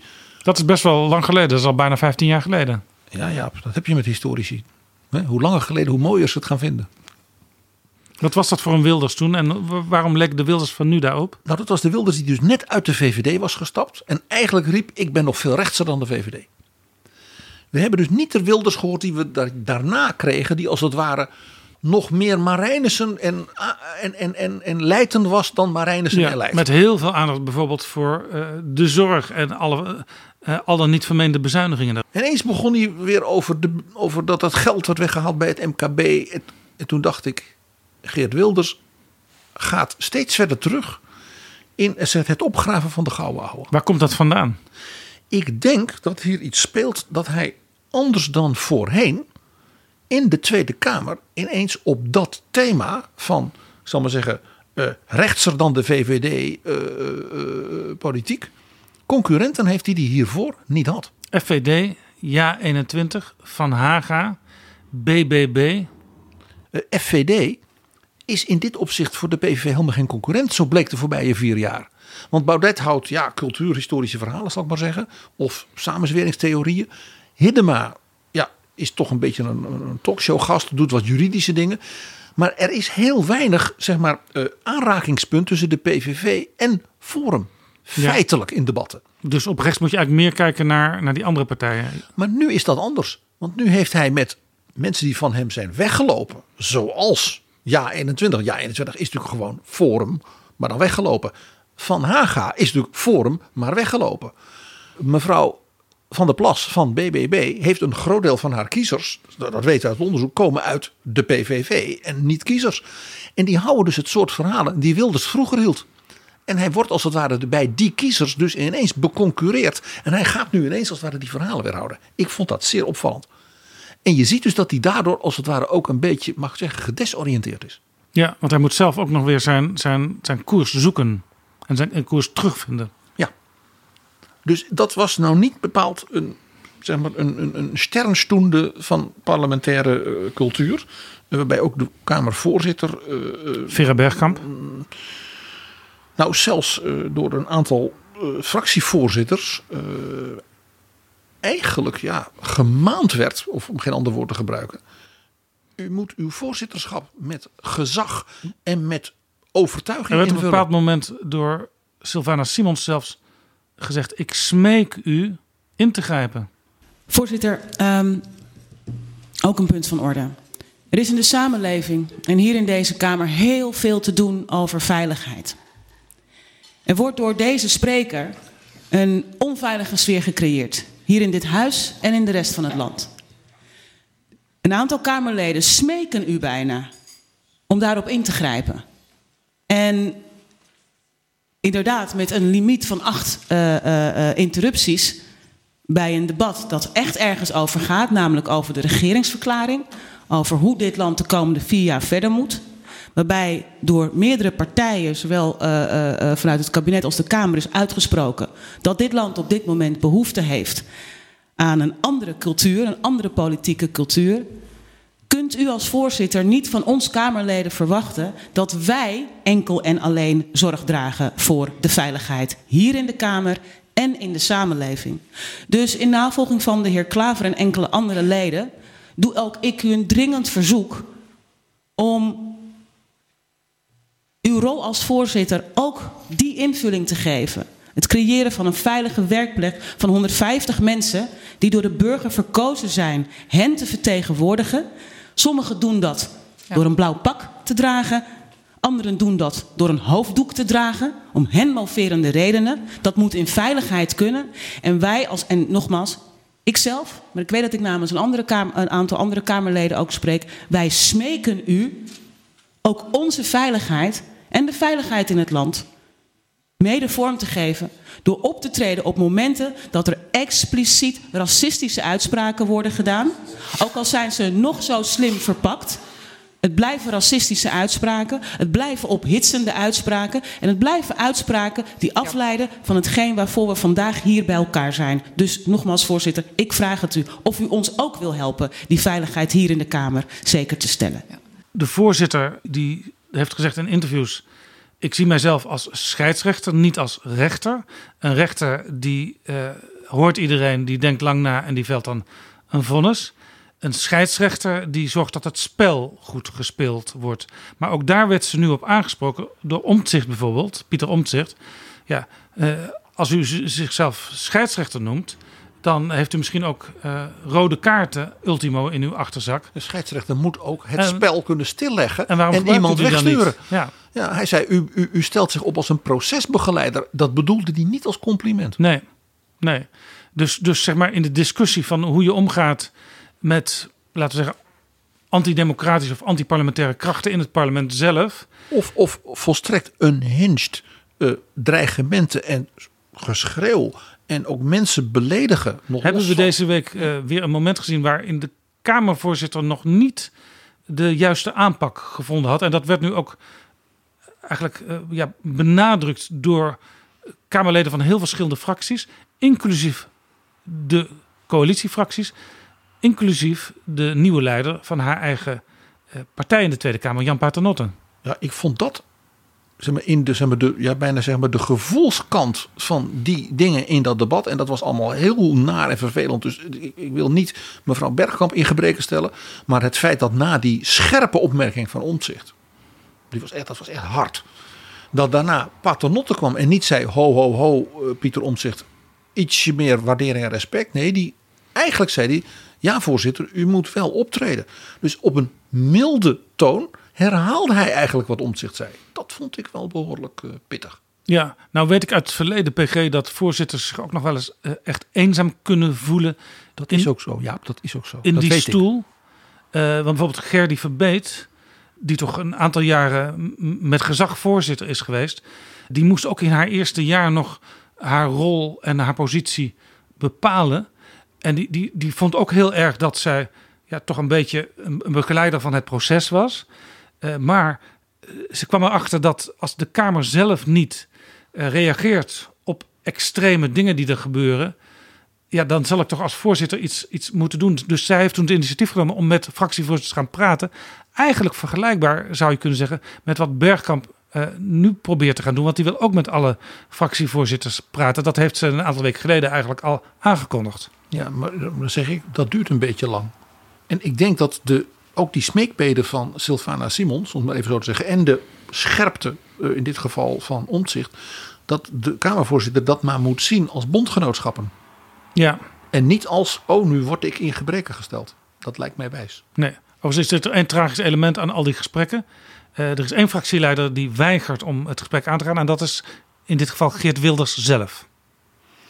Die ook vanaf het begin natuurlijk mevrouw Bergkamp ook weer benaderde vanuit het idee van ja, u heeft als het ware uh, uw voorzitterschap op een ja, on, on, onfatsoenlijke manier uh, binnengehaald. Dus dat maakt natuurlijk ook weer ja. de verhoudingen buitengewoon wat, wat hij overigens niet kan bewijzen. Want natuurlijk niet. Hij zegt dat D66 dat heeft gekregen van de VVD in ruil voor steun aan de nieuwe coalitie.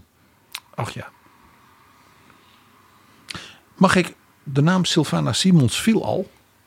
Als het gaat om die cultuur ook een, ja, een, een, opmerkelijk en positief aspect onderstrepen. Ja. We hebben natuurlijk een aantal keren in de voorbije maanden gehad dat uh, mevrouw Simons uh, behoorlijk botste met anderen in de Kamer en ook met de premier. Ja, met name met de minister-president. En dat anderen in de Kamer daar dan wat van terugschrokken en zoiets hadden van, nou uh, ja. Ja, dat, dat was een botsing van karakters waar we niet echt de vinger op konden leggen wat daar nou precies achter zat. Of dat karakters was, of toch een elkaar, elkaar niet verstaan in de zin, je zegt iets en dat je dat dan interpreteert misschien op een manier die, waar de ander dan weer zegt van, ja maar op deze manier wil ik niet benaderd worden. Hè? Dus eh, wat- de Fransen mooi zo noemen een dialogue des sourds. Een dialoog van doven.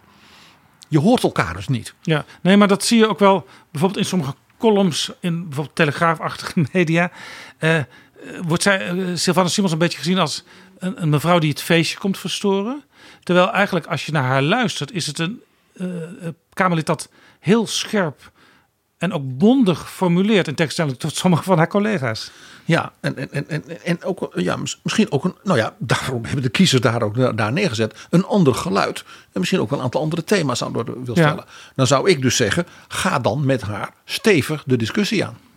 Nou, wat je nu zag gebeuren, en ik vond dat opmerkelijk, dat al meteen in het begin van het debat tussen mevrouw Simons en Sophie Hermans, de nieuwe fractieleider van de VVD, er met enige regelmaat, zeg maar, in de vorm van interrupties en discussie, een contact was wat je dacht, dit is totaal anders. Niet dat, ze ineens, dat mevrouw Simons ineens was bekeerd tot het liberalisme, die indruk had ik niet.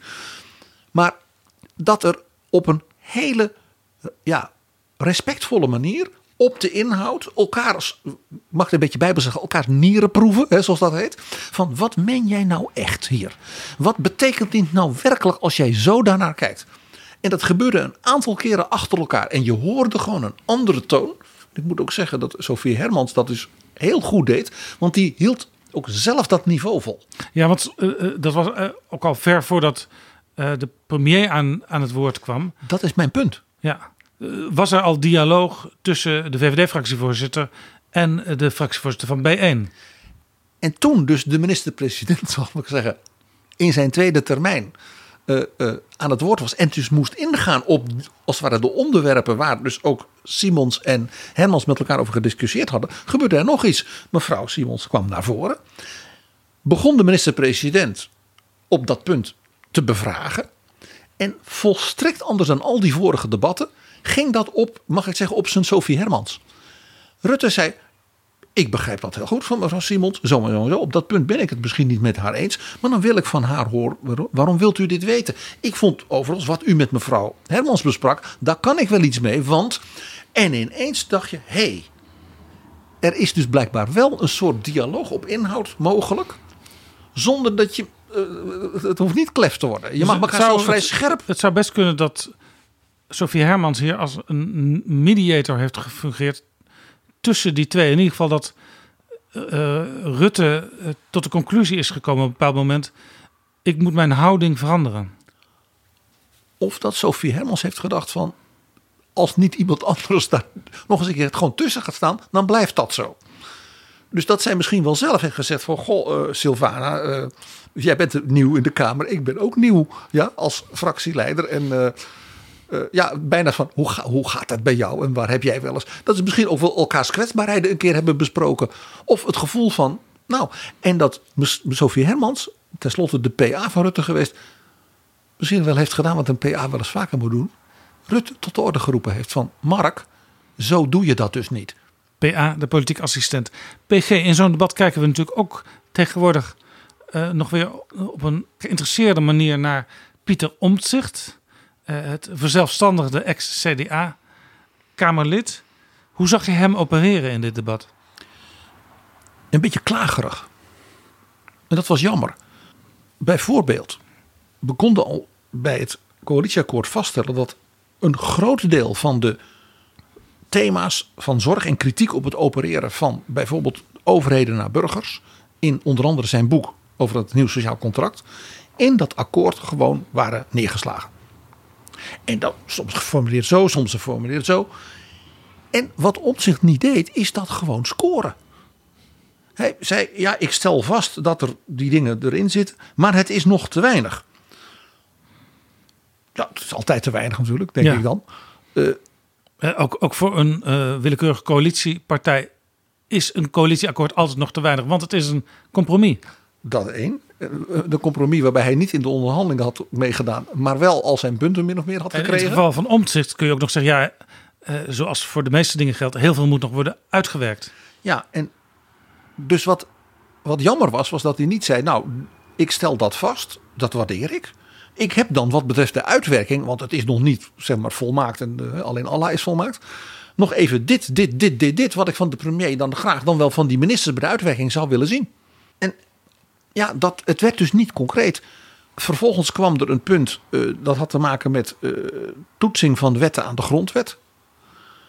Een belangrijk punt in, eh, bij Omtzigt zijn analyse.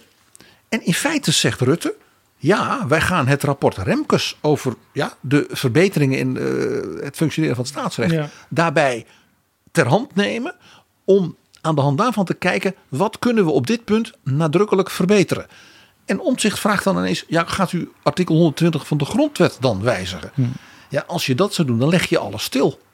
Want de grondwetswijziging, ja, dan gebeurt er de komende 10, 15 jaar niets. Ja, ja, nou je zou kunnen zeggen, laat dat eerst even in die gedachte van me over die uitvoering van dat idee zijn beslag krijgen. Overigens, artikel 120 van de grondwet is een paradoxaal artikel.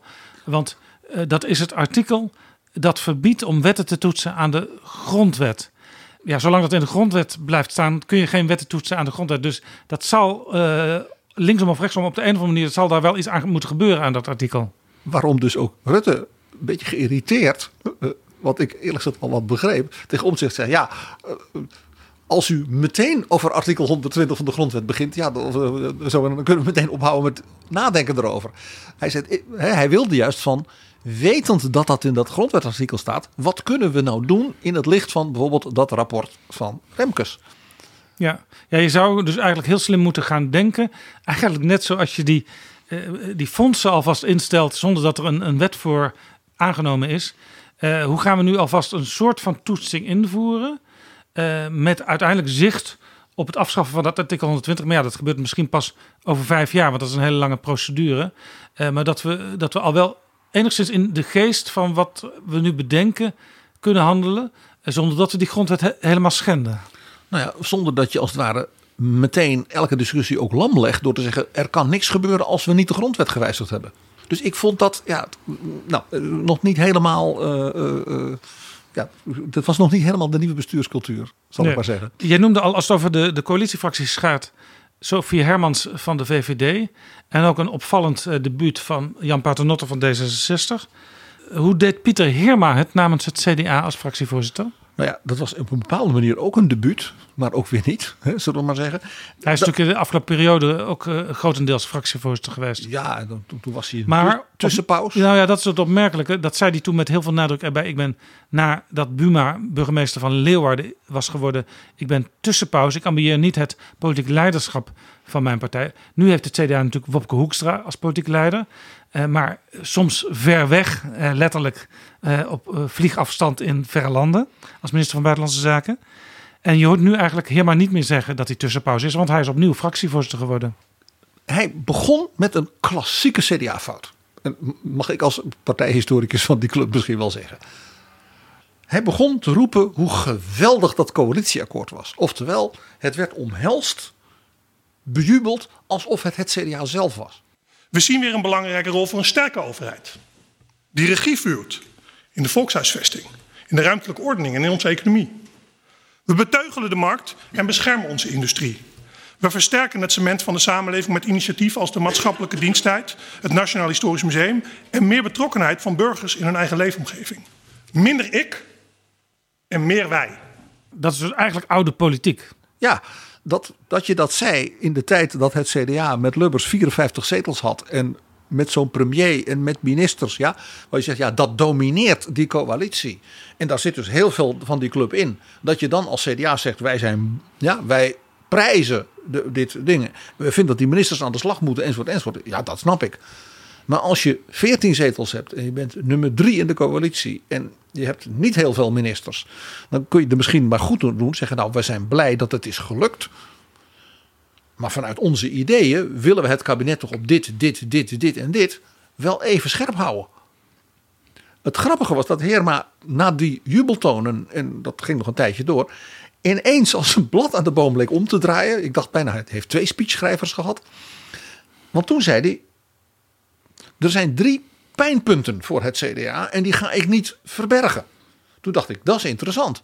Ja, nou ja, dat is dan misschien toch ook wel weer eh, het klassieke enerzijds, anderzijds van een middenpartij.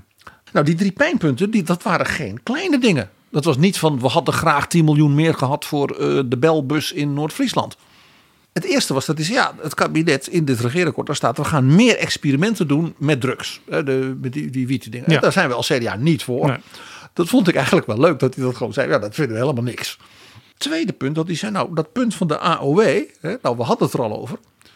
Eh, ja, dat doet wel pijn. Dat was dus een heel belangrijk punt van de oppositie. Ja, en dat hij was zei, en wij gaan die reparatie die waar hij daar dus samen nodig met is. Sofie Hermans het initiatief nam om, om, om daar het kabinet op te roepen iets aan te gaan doen. Dus hij ging daar niet in de verdediging schieten en dat, dat akkoord dus bejubelen, wat hij, zoals hij begon.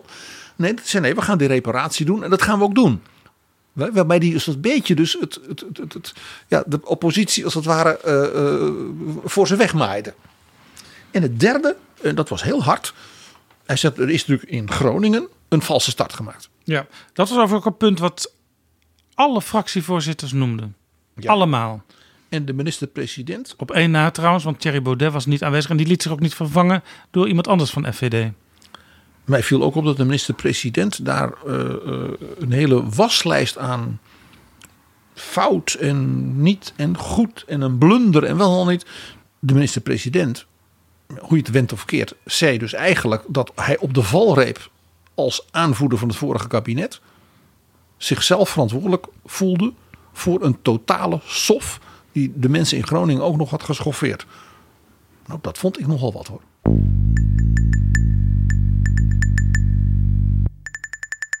PG, media hebben altijd behoefte aan nieuwe gezichten. Talkshows die vinden het altijd leuk als er mensen aan tafel komen eh, die van het scherm afspatten, zoals de eindredacteuren van die shows dat noemen. De afgelopen tijd was dat in de nieuwe Tweede Kamer Caroline van der Plas van BBB, de Boer-Burgerbeweging. Ho- Hoe deed zij dit debat deze week? Ja, waar was ze? Ja, Ze liet zich af en toe zien. Ja, bedoel, dit is je kans voor jouw, eh, ik zal maar zeggen, eh, achterban. Dus je zou denken, nou, die komt met. De, dit zijn de vijf dingen die we het platteland, eh, de rurale economie, ja, op willen laten stoten in de vaart der volkeren. Nou ja, ze had één ding over stikstofbeleid. Waarvan eigenlijk de, de kern van haar verhaal is dat het overbodig is. Ja, er zat bijna iets in, een soort. Je hebt klimaatontkenners. Dit was een soort stikstofontkenning. En toen Rutte ook probeerde daar een antwoord op te formuleren. Omdat, je merkte ook aan Rutte, die dacht van, waar komt dit vandaan? Hè, ze riep, dat is helemaal nooit wetenschappelijk. Er is geen, zijn geen metingen. En waarop Rutte zei, nou ja, we hebben toch, eh, ja. Toen moest ze door de Kamervoorzitter bijna gemaand worden. En Rutte die ook zoiets had van, ja mevrouw van der Plas, kom dan. Want ik wil met u die discussie afronden. En toen kwam ze dus niet. Ja, nee, op een gegeven moment eh, was En Rutte. uiteindelijk. Op een gegeven moment was Rutte in discussie met Esther Ouwehand van de Partij voor de Dieren over stikstof. En, en eh, de hele Kamer had een beetje het idee, ja, dat zal zo Caroline van der Plas wel komen. Want die heeft hier een volstrekt andere opvatting over dan de Partij voor de Dieren. Eh, en inderdaad, Vera Berg op de Kamervoorzitter moest eigenlijk nog aan Caroline van der Plas vragen: Wilt u hier ook nog iets over zeggen? Terwijl ze nog in haar bankje zat. En nee, dat vroeg ze van "Me- mevrouw van der Plas. En toen. Waarop Rutte, want die had zoiets van: ja, ik heb mevrouw Ouwehand nu dat punt afgemaakt. Waarbij het interessante was dat hij mevrouw Ouwehand een heel eind, als het ware, had uitgedaagd op. Denk nou eens even mee, kunnen we misschien niet een aantal stappen zetten? Waarop dus Rutte dacht: van dat wil ik dan ook met mevrouw van der Plas kunnen doen, want ik begrijp er eerlijk gezegd niks van, van wat ze. En toen zei Rutte: mevrouw van der Plas. En toen Bergkamp nog een keer. En nou ja, toen kon ze. eh, Kijk, als ze toen nog had gezegd: nou, ik heb eigenlijk niks meer. Dat was uitermate eh, ja, opmerkelijk. Ja. Er was overigens, Jaap, ook nog één ding waarvan ik zeg dat is echt een witte vlek. Ook nu weer in dit debat. En dat is toch het thema prachtige ambities, grote plannen, transities. eh, ja, maar wie gaan het doen? Het gebrek aan eh, personeel. Ja, want eh, Rutte lepelde ook, als, wat ik begrijp, ook van de ambtenaren die dat voorbereiden. Van ja, we hebben nog dit, we hebben nog dat, we leven lang leren. En de, jaagste- de laagste jeugdwerkloosheid ooit en dit en dat. Maar er kwam niet een soort coherent verhaal van dit heeft consequenties die we dus ook met elkaar zullen moeten gaan oppakken. En daar gaan we dus wel dit, dit en dit aan doen. Het kwam in het debat wel regelmatig terug. Maar als los punt. Ja, en het leidde uiteindelijk aan het slot van het debat wel tot een motie ingediend door Paternotte en Heerma. Dat was wel opvallend, omdat het dus in het debat eigenlijk al door net niet serieus als ja, bottleneck En die motie dus kwam. vanuit de coalitie, die noopt het kabinet om op korte termijn met een aanpak van die arbeidsmarkttekorten te komen.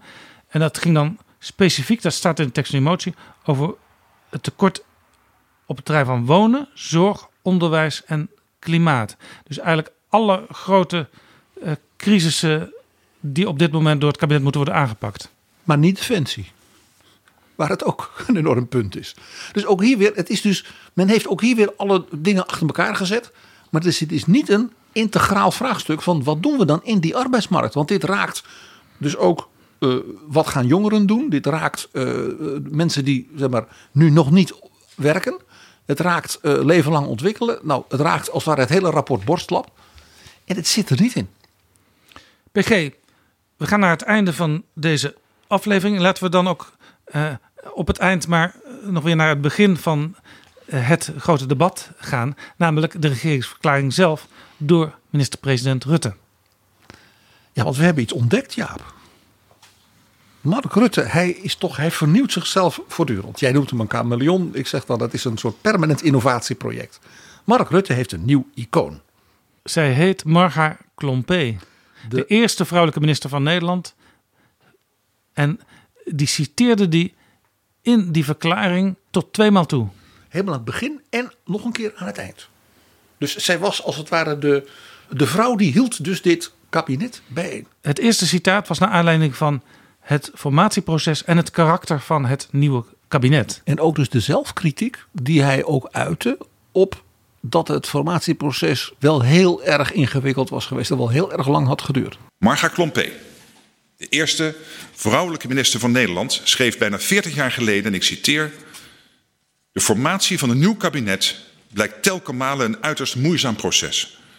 De partijen heroverwegen hun onderlinge verhoudingen. De politiek beleeft een moment van koortsachtige opwinding en hevig geconcentreerde activiteit. Einde citaat. Bedunkt nog altijd een treffend citaat, waarin ook de nu afgeronde formatie herkenbaar is. Want niemand zou willen ontkennen dat het al lang en moeizaam proces was. Dat de onderlinge verhoudingen tussen partijen daarin te lang een te grote rol speelden. Of dat er regelmatig sprake was van koortsachtige opwinding en inderdaad hevig geconcentreerde activiteit. Zoals uit het citaat mag blijken, was coalitievorming in Nederland ook in het verleden zelden een sinecure. Maar daarmee is het nog niet goed dat er deze keer bijna twaalf maanden zijn verstreken tussen het aftreden van het vorige kabinet en de beëdiging van een nieuw kabinet. Dat is gewoon te lang. Je begrijpt, ik kon een grijns niet onderdrukken. Marga Klompé is natuurlijk de vlees geworden KVP. Eh, De raadsvrouwen hè, tot hoge leeftijd van Ruud Lubbers. Ze was zelfs zo KVP dat ze tegen de vorming van het CDA was. Ja, dat was, was ook, vond ik ook wel even een puntje voor in het licht van natuurlijk de huidige coalitie. Uh, maar we weten, jij, jij weet dat ook, Jaap, dat Ruud Lubbers zeker eens in de week uh, naar de toen toch ook al bejaarde Marga Klompé op het Smitswater in Den Haag uh, langskwam voor een kopje thee of om vijf uur voor een sherry. Maar die hadden een permanent gesprek met elkaar. En het slotcitaat van Rutte in de regeringsverklaring van Klompé was... Ik kan getuigen dat in de Nederlandse politiek velen met grote inzet en offerbereidheid werkzaam waren en zijn voor land en volk. Mevrouw de voorzitter, het citaat mag na bijna 40 jaar wat plechtstatig klinken, maar ik geloof dat ook deze woorden nog altijd geldigheid hebben. En in dat vertrouwen zullen wij aan ons werk beginnen. Dank u wel. En Jaap, ik zal het maar eerlijk zeggen, gered op wat er daarna gebeurde in het debat met bijvoorbeeld ook de heer Wilders, dacht ik liever, maar vaker wat plechtstatig. Marga Klompé was overigens niet de enige naam die genoemd werd. Nee, Jaap. Uh, er werd iemand wiens naam niet genoemd werd, maar die nadrukkelijk werd geciteerd. En dat was Tricky Dick, president Richard Nixon van Amerika. Lang niet iedereen staat met de rug naar anderen. Lang niet iedereen is alleen maar boos en pessimistisch en al helemaal niet de hele tijd. Integendeel, de meeste mensen maken er gewoon dag na dag het beste van. Dat is misschien minder goed hoorbaar en zichtbaar, Maar juist de veerkracht van die grote, stille meerderheid is hoopgevend en verdient steun. De silent majority die achter de president en al het goede stond en zijn oorlog in Vietnam. Ik vond het uh, opmerkelijk. Nou ja, wie werd ook geciteerd, uh, en natuurlijk terecht, Joop den Uyl. We weten dat er de komende jaren opnieuw verrassingen zullen komen. Problemen die we nu nog niet kennen. We kennen allemaal de bekende uitspraak: regeren gaat van ouw. Die vaak aan Joop den Uyl wordt toegeschreven en die van alle tijden is. Ik weet trouwens niet of dat echt een citaat van den Uyl is, want ik heb een, een, een boek in mijn uh, grote boekenkast van Gerda Broutigam. Uh, lang geleden Partij van de Arbeid, Tweede Kamerlid. En zij schreef over de kabinetformatie van 1973, het kabinet Den Uyl. En dat boek, dat heet Regeren gaat van oude. Dus het kan ook best wel een citaat zijn van Jaap Burger, de, de, de grote formateur uit die periode. Het zou me niks verbazen als het Jaap Burger was en niet Joop den Uyl. Maar ik vind het altijd leuk als Mark Rutte uh, Joop den Uyl aanhaalt. Want stiekem is hij natuurlijk gewoon dol op ome Joop. Hè? Dat weten we. En ook Hans van Mierlo, en natuurlijk de, de, de, de oerheber van D66, werd ook aangehaald in deze regeringsverklaring. Ja, dat ging over, over, over dekens en een bed. Ja, dat ging over alles wat nodig is voor het land. En ook de kosten die zich met dat meebrengt. En dus ook de uitgaven die er misschien nodig zijn. Hans van Mierlo zei ooit: de begroting is net als een deken in de winter. Als de een hem naar zich toe trekt, ligt de ander in de kou. Nog meer citaten van Hans van Mierlo kun je horen in de aflevering van Betrouwbare Bronnen, waarin Hubert Smeets te gast was, de biograaf van Hans van Mierlo. Met dat geweldige boek. Ik kan het niet genoeg aanbevelen. En natuurlijk de heilige Antonius, Jaap. Ja. Bleek ook een liedje te zijn van Rowan Herze, waarvan ik weer weet dat dat een van de favoriete groepen is uh, die op de draaitafel ligt thuis bij uh, Lilian Ploemen van de Partij van de Arbeid. Maar dat deze zeer roomse heilige uh, werd aangeroepen door Gert-Jan Segers tegenover Mark Rutte. Want de heilige Antonius, Sint Antonius van Padua is dat, is de beschermheilige en de beschermer van iedere gelovige tegen dat hij dingen kwijtraakt en niet meer terug kan vinden. Dus dan bad men vroeger Sint Antonius, goede vriend, zorg dat ik mijn regeerakkoord weer vind. En los van uh, de regeringsverklaring PG, en misschien is dat leuk om mee af te sluiten, kwam plotseling op het toneel door toedoen van Jesse Klaver van GroenLinks Il Gatto Pardo. Ja, ik, ik, ik, ik wil Jesse Klaver een saluut brengen voor het feit dat hij dat deed. Het uh, Il Gatto Pardo is een van de allermooiste films ooit gemaakt. Speelt in Italië van zeg maar rond 1860. Het is een roman van een schrijver die zelf van hoge Siciliaanse adel was. En het gaat eigenlijk over zeg maar, zijn achtergrootvader. Die als ja, edelman in die tijd dus nog van het zeer absolutistische Spaanse bewind over Sicilië zeg maar, een van de topmensen was. Waarom kwam Klaver hiermee? Omdat in die roman een heel beroemd citaat voorkomt. Dat echt een classic is geworden. Se vogliamo che tutto rimanga com'è, bisogna che tutto cambi. Se vogliamo che tutto rimanga com'è, bisogna che tutto cambi. Alles moet veranderen, omdat alles blijft zoals het is. En het bedoelde Klaver natuurlijk als kritisch op. Het lijkt wel allemaal heel mooi, maar Rutte 4 is toch eigenlijk gewoon weer hè, wat het was. De premier, die pakte dat heel mooi op, moet ik zeggen. Die heeft in zijn antwoord zich natuurlijk even verstaan met, wat was dat ook alweer? Die Il Gatto Pardo, de tijgerkat, die roman van Tommaso de Lampedusa. Hij zet natuurlijk een prachtig boek, maar, zei Rutte heel mooi, het is een boek dat ademt melancholie. Dat gaat eigenlijk over het gevoel van verlies van dus die oude feodale, zeg maar middeleeuwse wereld, die dus in 1860 met dus dat, dat nieuwe liberale republikeinse Italië verloren en verdwenen was. Oftewel, het gaat dus over een liberalisme dat de oude hap heeft weggevaagd. Dat was natuurlijk heel verfijnd. En hij zei, daarom is dat Don Fabrizio, dat is dus die prins, die dus als het ware treurt over dat de wereld verandert, maar ook accepteert dat dat wel moet. Hij zegt, het is daarom een held. En het meest grappige is dat hij de vergelijking, die dus impliciet bij Klaver erin zat, namelijk dat Rutte dus een beetje is als die jonge liberale hoofdpersoon. Tancredi, dat is de neef van Don Fabrizio, dus ook van hoge adel, dat hij dat niet zo'n fijne vergelijking vond. Aan de andere kant, Jaap, in die prachtige film van Lucchino Visconti uit 1963, Tancredi wordt gespeeld door Alain Delon en die huwt met de beeldschone Claudia Cardinale. Dat is een droompaar. En inderdaad, het blijkt dat Tancredi een enorme politieke opportunist is. Want zodra die liberale macht in, in Italië dan is gevestigd, en ook in Sicilië, zegt hij nou, nu moet het leger wel zorgen voor orde. En Don Fabrizio denkt dan, inderdaad jongen, dat zei jij tegen mij. Alles moet veranderen, opdat alles blijft zoals het is. Dat is een hele beroemde scène in die film. Het is echt prachtig. Het is een enorm bal. Dat heeft Visconti in een paleis op Sicilië ook helemaal geënsceneerd.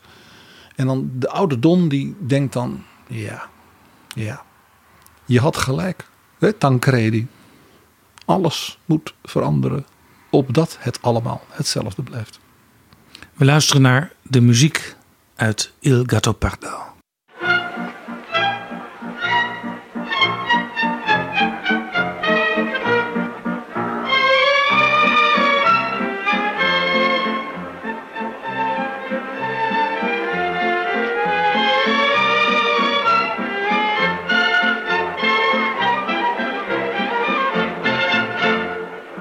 En daarmee is de cirkel van deze aflevering ook rond. Lucchino Visconti, Jaap, je raadt het al, was een groot operakenner. En was de lievelingsregisseur van Maria Callas. We begonnen deze aflevering met de vraag: kunnen we al iets zien, iets waarnemen van die nieuwe politieke cultuur die ons in de verkiezingscampagne en in de kabinetsformatie beloofd was? En we hebben een aantal punten gevonden. En we blijven ook de komende maanden, eigenlijk de komende drie jaar, eh, scherp kijken hoe zich dat verder ontwikkelt. Maar we houden wel in ons achterhoofd dat het best kan zijn dat we uiteindelijk toch met Il Gattopardo moeten constateren: alles verandert, opdat alles hetzelfde blijft.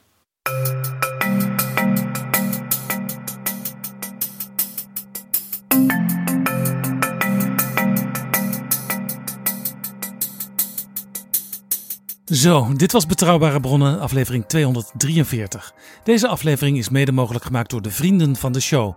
Wil jij ons ook helpen met een donatie, een klein bedrag, en zo vriend worden? Dat kan via vriendvandeshow.nl/slash bb. Tot volgende keer. Betrouwbare Bronnen wordt gemaakt door Jaap Jansen in samenwerking met dag en nacht.nl.